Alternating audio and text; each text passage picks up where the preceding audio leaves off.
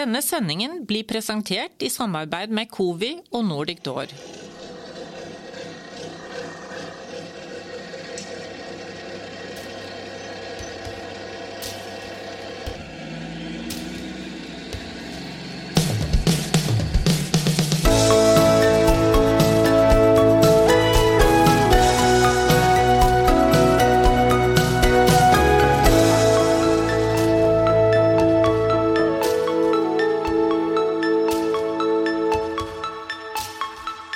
Og velkommen til en ny episode av Byggeplassen.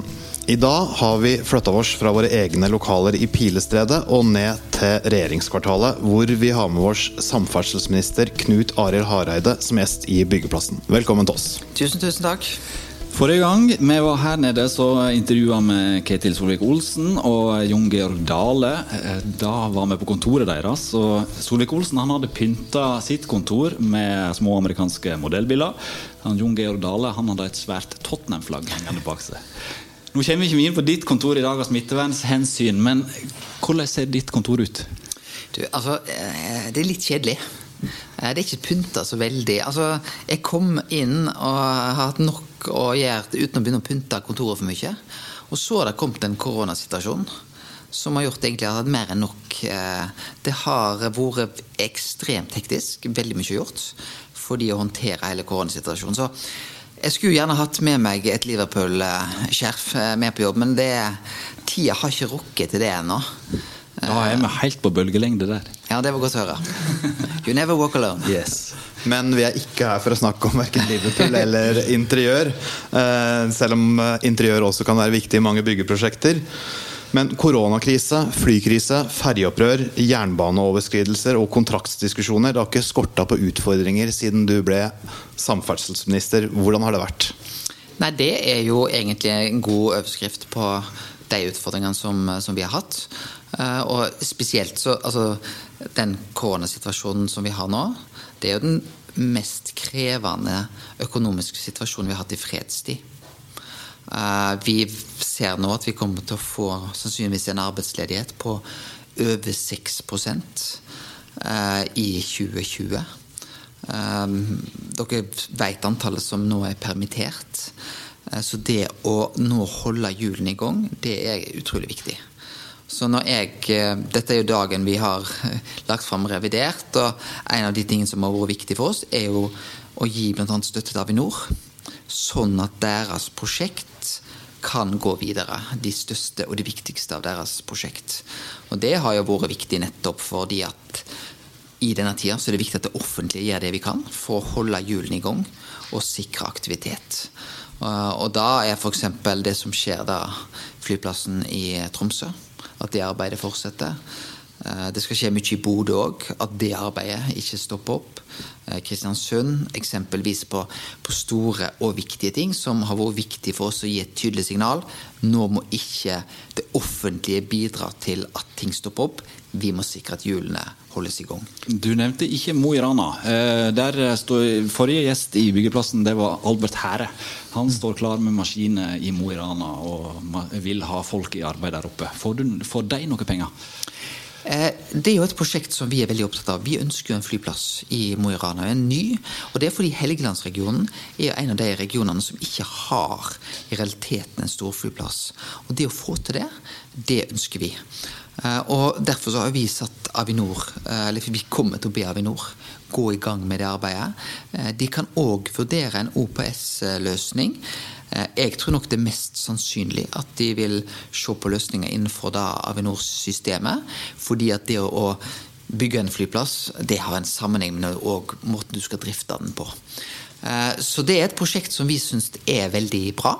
Og jeg må jo gi honnør til de lokalt som har gjort en fantastisk innsats, og gjør at vi er kommet ganske langt i det arbeidet. Og vi har jo da sikra at den flyplassen kommer kjappere enn det som egentlig var forutsatt i Nasjonal transportplan. Men nå blir det et oppdrag som Avinor skal gjøre. Og vi ønsker jo selvfølgelig å komme i gang så fort som mulig, men Avinor må få gjort sin jobb. Og det å bygge en flyplass, ja det er mange ting som er avansert, men det er klart at der er det sånn at skal Avinor drive den, så må de òg vite hva de bygger. Og de har ikke vært inne i prosessen så langt, og det må de selvfølgelig få muligheten til. Men vi ønsker en ny storflyplass eh, i Mo i Rana. Og så har BNL kommentert revidert budsjettet, og de sier at de etterlyser nye prosjekter i markedet. Hører at du sier at det er viktig å holde hjula i gang på de prosjektene som er i gang, men når kommer det nye prosjekter? Ja, Det vil jo mest sannsynlig være de fase tre-prosjektene som vi eh, kaller det. altså Hvordan skal vi nå få Norge ut av denne krisa? Og Da kommer det nok òg flere nye prosjekt. Som, eh, så jeg kan forstå den etterlysningen, for det er ikke det vi har svart på i dette revidert. Da har det vært å sikre den aktiviteten vi har. Men jeg tror jo òg at nettopp det å komme med nye prosjekt kan være en av de tingene som er riktig. Eh, og da at det offentlige bidrar med det. Og Der kan det være prosjekt innenfor f.eks. fylkesveier, det kan være innenfor riksveier. Eh, det er, det er i realiteten store muligheter som ligger der. Så det òg at vi på et tidspunkt må vurdere nye prosjekt, det mener jeg er riktig. På jernbanesida så blir det færre nye prosjekt. For Der har det vært noen kostnadsoverskridelser. og Det har gått ut med en melding i dag om at, eh, at Follobaneøkning, Vest, Vestfoldbaneøkning og Østfoldbaneøkning vil gjøre at noen prosjekt eh, må sette bremsene på. Eh, Bl.a. mot Hamar og intercityutbyggingen der. Kan du kort dra oss gjennom hva det var det kom med på jernbanesektoren i dag? Ja, Det var jo en trist nyhet. For vi sier jo at vi ikke kan få nå en oppstart på Kleverud Sørli. Det, det, er altså mot Hamar? Ja. Så det er på en måte det nest siste strekket før du er på Hamar. Og vi vet jo det, at vi er nødt til å komme til Hamar for at vi skal få nytten for det dobbeltsporet som er bygd opp langs Mjøsa, og som vi skal jo videre til Hamar med. Og vi skulle veldig gjerne satt gitt full gass på det. Men det som har vist seg, er at vi har betydelige kostnadsoverskridelser på Østfoldbanen. Vi har betydelige kostnadsoverskridelser på Follobanen. Eh, og vi har i 2020 brukt mer penger på Vestfoldbanen enn det vi hadde planlagt i våre budsjett. Så vi kommer til å bruke mer penger på jernbane i 2020 enn vi hadde planlagt. Og vi kommer til å bruke mer penger på jernbanen i 2021 òg. Og da er utfordringen at da må vi egentlig ta ned Kleverud Sørli. Vi kan ikke starte sånn som vi hadde tenkt. Så vi foreslår i realiteten en toårs utsettelse. Men muligheten dette gir, er at da kan vi se ikke bare Kleverud Sørli, men videre fra Sørli til Åkersvika. Så når vi først kommer da i gang, forhåpentligvis da i 2022, så er det ikke sikkert vi taper to år, selv om det ligger an til en toårs utsettelse nå. Men vi taper kanskje bare ett år, fordi det å bygge strekningen i ett, så kan vi ta inn ett år eh, gjennom å bygge strekningen i ett. Men jeg hadde ønsket at vi skulle bygd starta på Kleverud Sørli. Så det er andre prosjekt innenfor jernbane som gjør at det får vi ikke til, og det, synes, det beklager jeg. Eh, men det som eh, for, dette, men det som er den gode nyheten til folket på Hamar og til anleggsbransjen, er at vi kommer til å bygge denne strekningen. Det er bare spørsmål når vi kommer til å begynne. Men uh, Ringeriksbanen nå får litt mindre penger. Blir den bygd? Ja, Det vi sier på Ringeriksbanen, er at der viderefører vi eh, planarbeidet, sånn at vi kan ta en beslutning eh, i revidert 2021 for hvordan vi lander det. Og Der har vi nå kommet i land med planarbeidet. Så der er det sånn at når vi da viderefører og planleggingsarbeidet, så er det klart til å kunne gjøre en investeringsbeslutning allerede om et år, eh, hvis vi ønsker det. Så, så det vil si at det skjer mye på jernbanen nå. Dessverre med for store kostnadsoverskridelser, men det ligger òg store prosjekt framover. Og mitt ønske er at vi skal bygge jernbane, men vi må ikke bygge jernbane sånn at vi, det blir for kraftig øke, og så blir det rett ned igjen.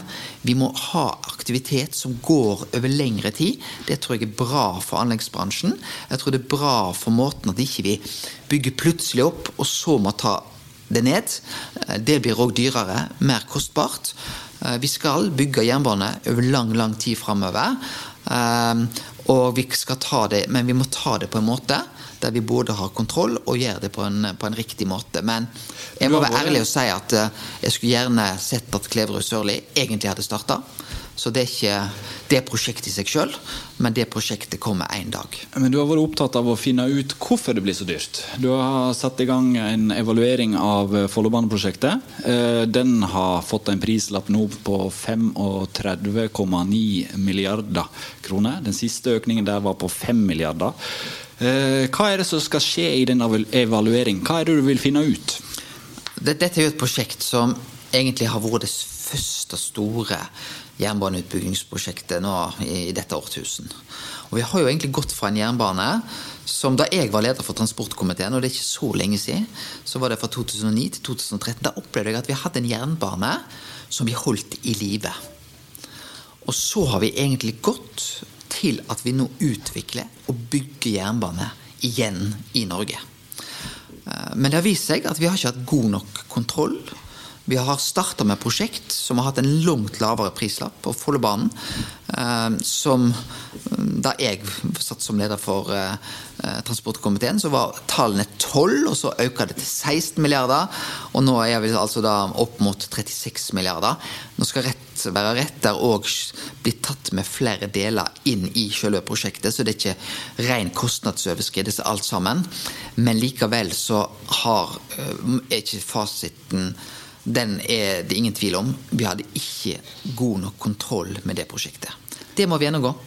Vi må lære av det, og vi må vite hva som har skjedd. Arbeiderpartiet ønsket en full gransking med, en, eh, med, et utvalg bredt sammensatt eh, fra ulike deler av både politikk og bransje. og ja, En eh, bred sammensetning av et utvalg. Men du vil ha en konsulentrapport. Det kan jo kanskje bli vanskelig å få til i og med at 17 av 42 ledere på Follobaneprosjektet har vært innleide konsulenter.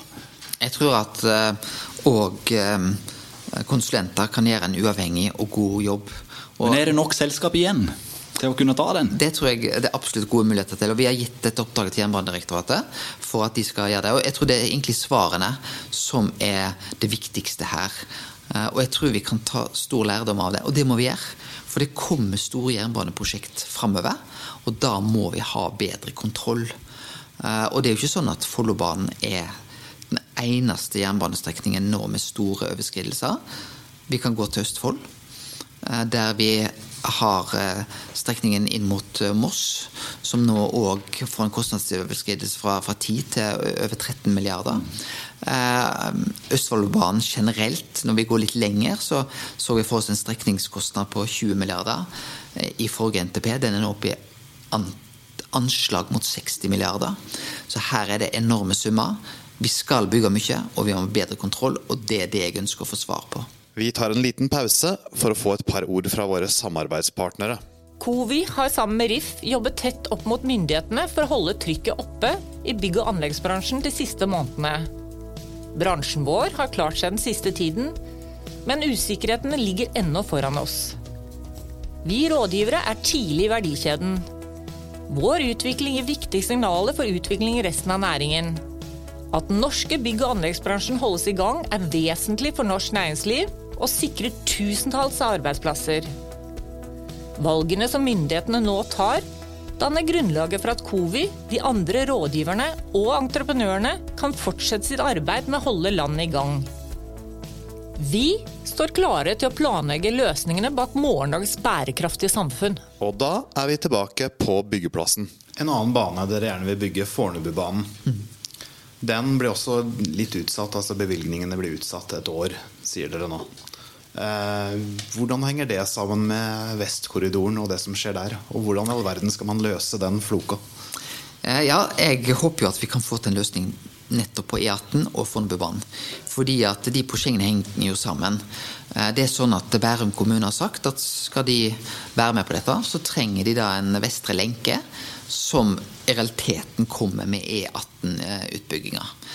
Så er det jo sånn at ja, jeg har stor innflytelse på jernbane- og infrastrukturprosjekt som vei, men vi har jo det sånn at eh, regionale politikere er med på å bestemme.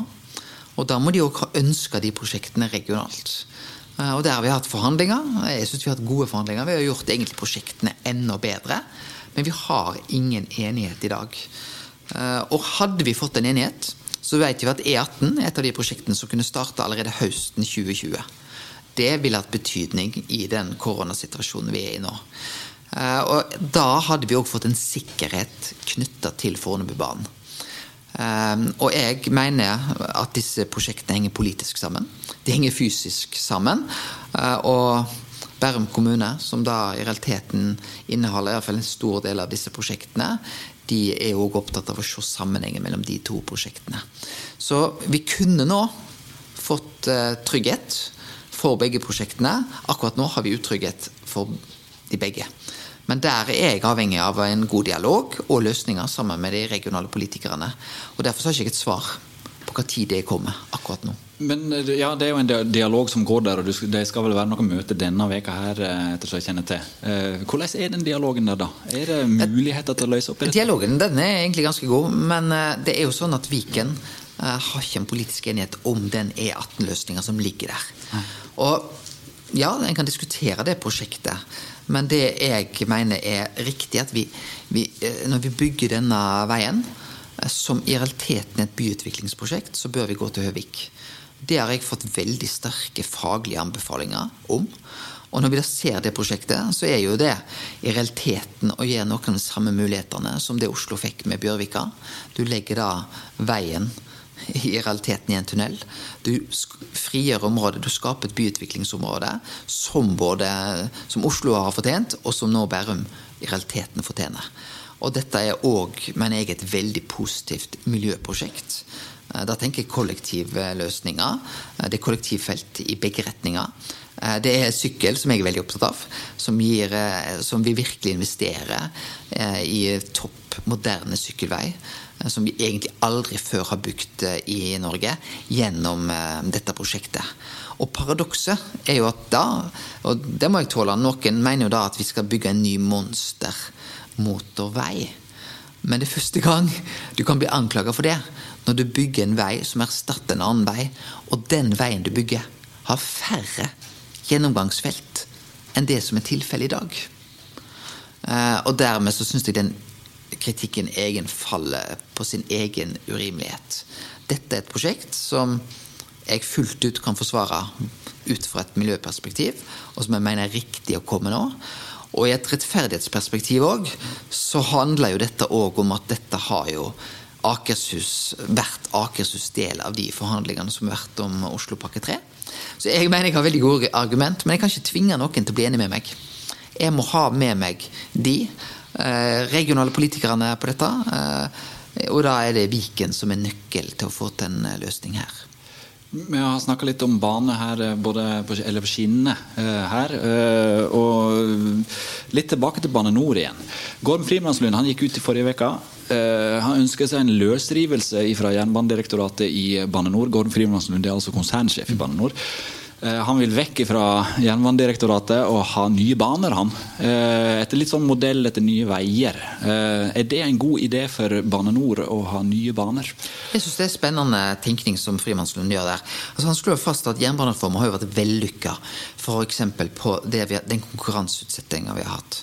Men så var jo tanken at vi skulle da sikre at Bane Nor og Jernbanedirektoratet fikk en dialog der en prøvde hverandre og fant fram til de beste løsningene. Så ser vi nå, etter de har vist, at nettopp det samarbeidet mellom Jernbanedirektoratet og Bane Nor har blitt veldig rigid og mer prega av fryktelig mange rigide avtaler som gjør at du har ikke fått til den handlekraften som vi ønsket i den delen av eh, arbeidet. Eh, og da tenker jeg f.eks. nye baner syns jeg er en spennende tenkning. Eh, det har jo vært en kjempesuksess med Nye Veier. De får frihet. De får muligheten til å ta porteføljen i sin rekkefølge. De snakker med bygg- og anleggsbransjen, diskuterer hva er optimalt. Og så blir da vi politikerne satt litt til sida på rekkefølge og, og, og de mer detaljerte beslutningene. Og så får vi egentlig mer igjen for hver krone. Kan vi ta noe av den tenkningen over på jernbanesida, så er jeg veldig åpen for det. Og de kostnadsoverskridelsene, de skyldes jo ikke òg eh, en av grunnene til de er jo òg at vi har hatt en litt for detaljert styring av jernbanen politisk. Ja, de er jo litt lei av å måtte svare for Jernbanedirektoratet sine utredninger. Er du, hvordan er det å svare for prosjektoverskridelser som kommer lenge før din tid, da? Ja, Det er en jobb som er for enhver minister som, å, å, svare for fortida. Men det jeg kan si, er jo at jeg tror at jo mer detaljert styring det blir politisk år for år av en sektor, jo vanskeligere er det å realiteten få mest mulig igjen for hver krone. Jo lengre tid du får til å planlegge, jo bedre forutsigbarhet du får, jo mer får vi igjen for de pengene vi setter inn i denne sektoren. Det har vist seg på veisida, og det tror jeg òg kommer til å vise seg på jernbanesida, om vi får til et bedre system der. Det har vært mange, mange pakker som har kommet nå. Krisepakke med koronakrise. Uh, og jeg lurer litt på uh, om det kommer noe revidert i dag. Det, jeg har ikke klart å oppfatte det. Uh, om byggherrene får mer penger til å spytte inn i eksisterende prosjekt. Du vil jo ha Follobanen-prosjektene og de overskridelsene der. Det, det, skal gå sin gang. Men får byggherrene mer penger til å kunne håndtere konflikter og utfordringer i eksisterende kontrakter? For den krisa her den skaper noen kontraktuelle spørsmål. Altså, vi har jo en dialog uh, med vår sektor uh, og sikrer at de prosjektene som vi har nå i gang, de skal gå videre. Uh, og det er nok jobben min fra, fra samferdselssida, at vi sikrer at de prosjektene som vi har i gang, de går videre. Og jeg er ganske imponert over å se det arbeidet som egentlig nå går videre, på tross av en ganske krevende situasjon knyttet til korona. Eh, og der må jeg bare si meg imponert egentlig landet rundt, f.eks. Statens vegvesen, som opplevde eh, bl.a. at karantenetiltak gjorde at de måtte stoppe enkelte prosjekt. Da flytta de ansatte eh, fra det ene veiprosjektet på Sørlandet til et annet veiprosjekt på, på Sørlandet for å sikre aktiviteten oppe. Så jeg er ganske fornøyd med min sektor på at vi har greid å sikre aktiviteten oppe i de prosjektene som er i gang. Men det kan komme en backlash her med flere ja. konflikter? Det ser jeg, eh, og da tenker jeg vi må bare ha en tett dialog for å sikre at den aktiviteten som er der Og jeg opplever både bygg og anlegg, jeg opplever både LO, NHO egentlig med på akkurat den samme agendaen. Nå må vi sikre prosjekt. Vi må sikre at de prosjektene som er der, går videre. Vi må holde hjulene i gang. Vi tar en liten pause for å få et par ord fra våre samarbeidspartnere. Hei! Vi i Nordic Door produserer for fullt på alle våre lokasjoner og anlegg. Akkurat nå har vi bl.a. startet med en større leveranse på ca. 900 dører til Skanska og Tønsberg sykehus. Vi er så takknemlige for at alle våre ansatte fortsatt kan jobbe hver dag, og ønsker derfor å rette en stor takk til alle våre kunder og samarbeidspartnere for at vi blir valgt som leverandør. Ønsker du å vite mer om Nordic Door? Sjekk nordicdoor.no no. Og da er vi tilbake på byggeplassen. Og så jobber dere med ny NTP. Ja. Og du hadde et digitalt folkemøte i går. Hvilke innspill fikk du der? Der fikk jeg enormt mange innspill. Eh, det kom eh, hundrevis av eh, innspill.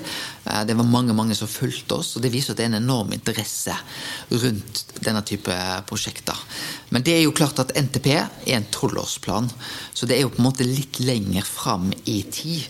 Og jeg tror, og håper jo, at det vi snakker om knytta til NTP, det er jo Når vi kommer til de prosjektene som ligger der, så håper jo jeg at noe av den beste eh, krisesituasjonen skal være over.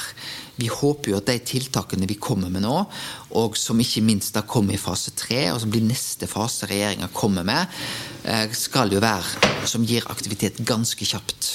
Så NTP er utrolig viktig. Betyr veldig mye, for det er satsinga framover. Eh, men jeg håper ikke at det skal være hovedsvaret på korona det vil nok være for seint. Vi må komme tidligere på banen på det som skal løse en del av den måten vi skal komme ut av koronasituasjonen på. Men når kommer fase tre med prosjekter eh, som du skisserer her? Ja, eh, Det er jo eh, Finansdepartementet som, som, jobber med. Og vi har vel sagt at i slutten av denne måneden så kommer det da en, en ny stortingspropp som, som, ser på det. Og det vil jo da kunne være ulike prosjekt, og der er jo samferdselssektoren én av de.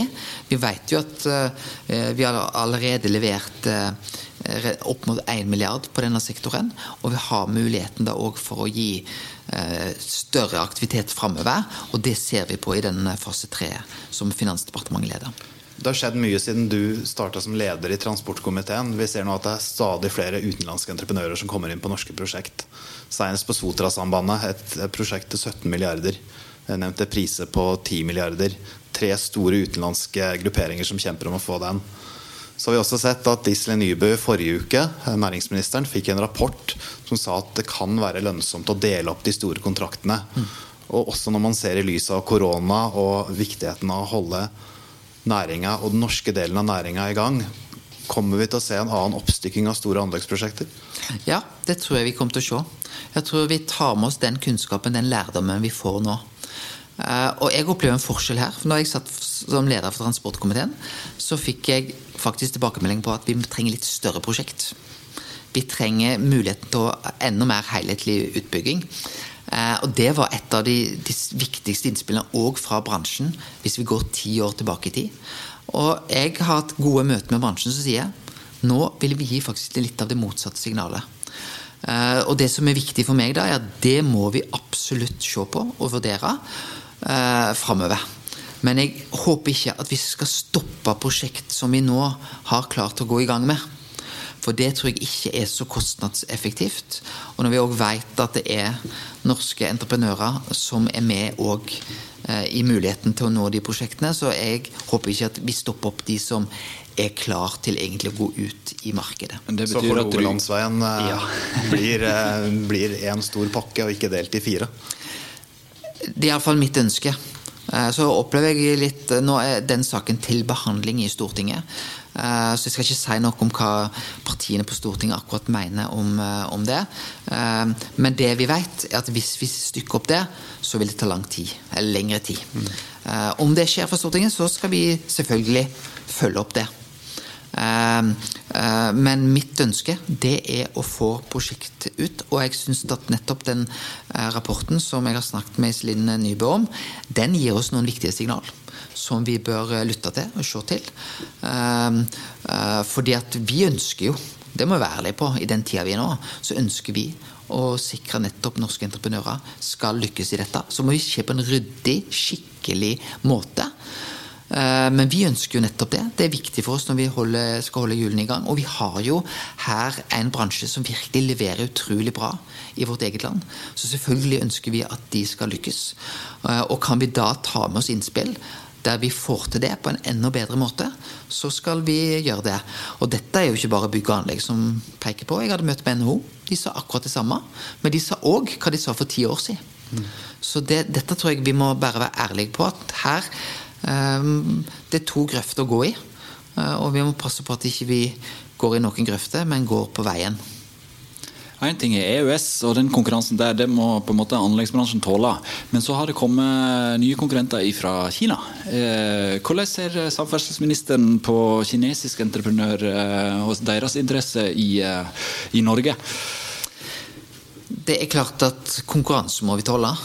Og så skal vi òg være bevisste at det er noen aktører som det er noe infrastruktur som er veldig viktig for oss å ha fullt og helt kontroll på.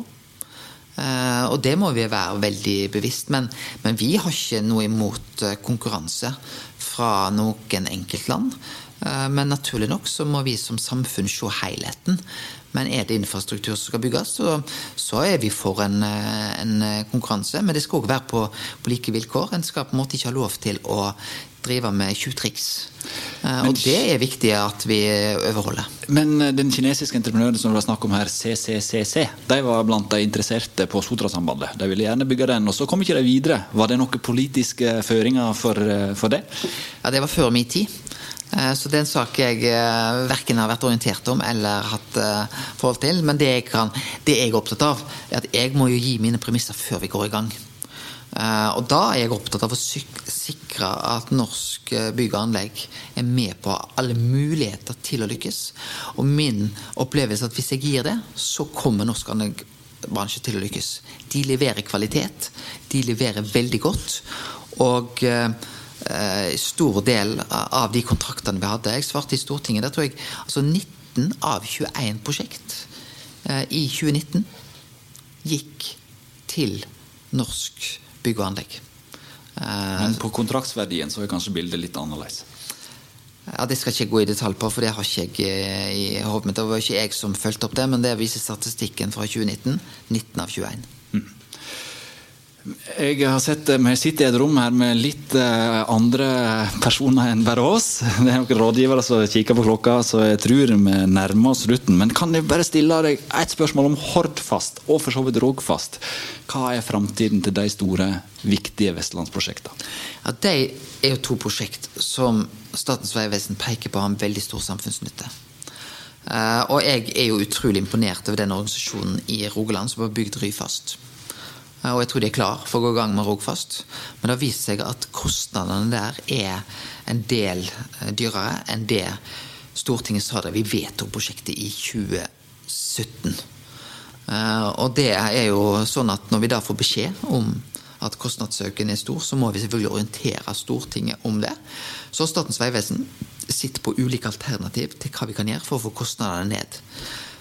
Og vi vurderer den saken nå, men vi ønsker å få Rogfast på plass. Vi må jobbe med å få sikra ei framdrift, men både kostnad og inntektssida på Rogfast er det dessverre større usikkerhet rundt, som gjør òg at iallfall vi må orientere Stortinget om det, og vi må få kontroll med det før vi kan gi en go for prosjektet. Men jeg er sikker på at Rogfast kommer. Men på hvilken måte det kommer, og det, kan ikke i detalj svare i nå, men det er en av de sakene vi virkelig jobber med. Fordi det er et stort, viktig prosjekt, eh, og er jo realiteten starten på, på den E39-utbygginga som vi vil ha langs eh, Vestlandet. Eh, Hordfast er jo kanskje det en tenker på som neste prosjekt der. Og der er det jo litt krangling. Du var jo opptatt av regionale politikere, at de måtte være enige i stad. Og der er ikke de helt enige. Vestland fylke, er, der møter det litt motstand. Ja, eh, og det er på akkurat samme måte som E18 eh, og Fornebubanen, så er jeg avhengig av regionale politikere der. Eh, Og de skal jo gi sine høringer nå til NTP. Og det er frist 14. mai. Så det er to dager, så ser vi hva som blir svaret fra Hordaland fylkeskommune. Og, eller Vestland fylkeskommune. Som da gir sine innspill på, på dette. Og det er klart at det har betydning for hvordan prosjektene blir prioritert. Hva, hva de regionale politikerne her eh, sier. Men Statens vegvesen har jo lagt dette prosjektet som det prosjektet de mener har størst samfunnsøkonomisk eh, nytte. Um, og det er et prosjekt som òg har en betydelig grad av bompengefinansiering. Du gjør òg det sånn at flere ferjestrekninger i realiteten forsvinner. Um, og så forstår jeg at den utfordringen som er, og er på Vestlandet, fordi det er en strekning langs E16 som er veldig rasutsatt. Som handler om sikkerhet. Handler om at du ikke kan kjøre den veistrekningen uten å Og du kjenner ikke deg trygg. Eh, og det er en dimensjon som jeg tror slår inn hos alle politikere. Eh, At der må det ha en prioritering. Og så håper jeg at det kan bli sånn at vi ikke må velge mellom den type gode prosjekt. Men fasiten på det det får en først når NTP kommer da vinteren 2021. Vi har én million spørsmål til som har lyst til å stille deg. Det får bli i neste omgang. Eh, Vi takker Alf Magne Hillestad, som har rigga opp et eh, provisorisk podkaststudio her i R5 i regjeringskvartalet. Eh, Kristian Aarhus og Frode Aga har programledere. Og eh, gjesten han eh, har jeg hørt. Knut Arild Hareide fra Kristelig Folkeparti. Denne sendingen ble presentert i samarbeid med Covi og Nordic Door.